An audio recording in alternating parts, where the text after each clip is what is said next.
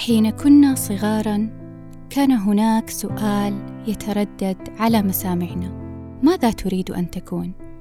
البعض كانت أجوبته مستوحاة من والديه.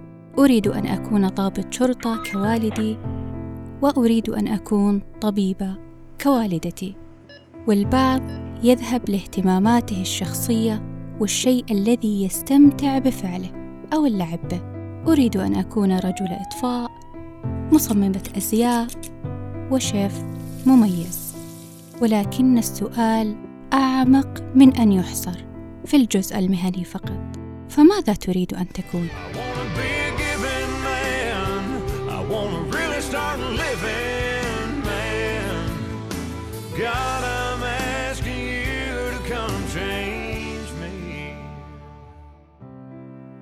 سئلنا هذا السؤال قبل أن ندرك معناه أو جوابه.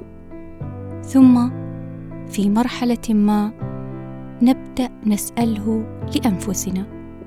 ماذا أريد أن أكون؟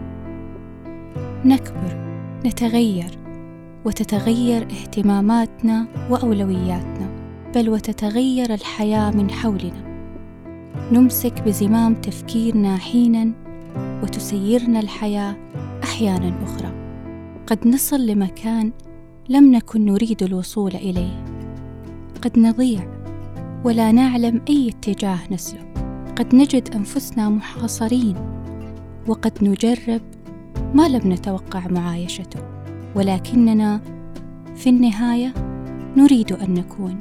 تتغير الحياة من حولنا وتغيرها مرتبط بتغيرنا.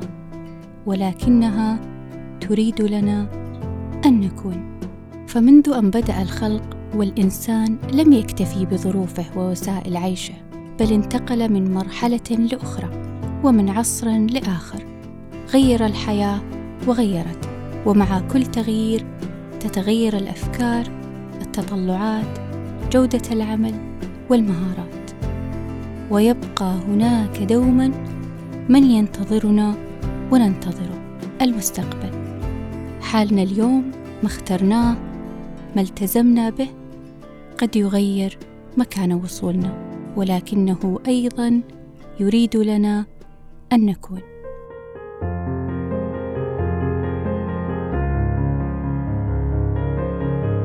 أن تكون هو أن تفهم وخلال ذلك ربما تضيع تخطئ تتعثر وتجرب وفي طريقك ستتقاطع كثيرا مع العديد من الأسئلة التي تبدأ بلماذا. هنا قد تجد سؤال أو ربما جواب يفتح أمامك الطريق. هنا تساؤلات تأملات وأفكار. نفهم بها العقل ندرك بها الحياة ونعي بها المستقبل. كن معي. أنا وفاء راشد وكل ما تحتاج إليه هو عقل وورقة.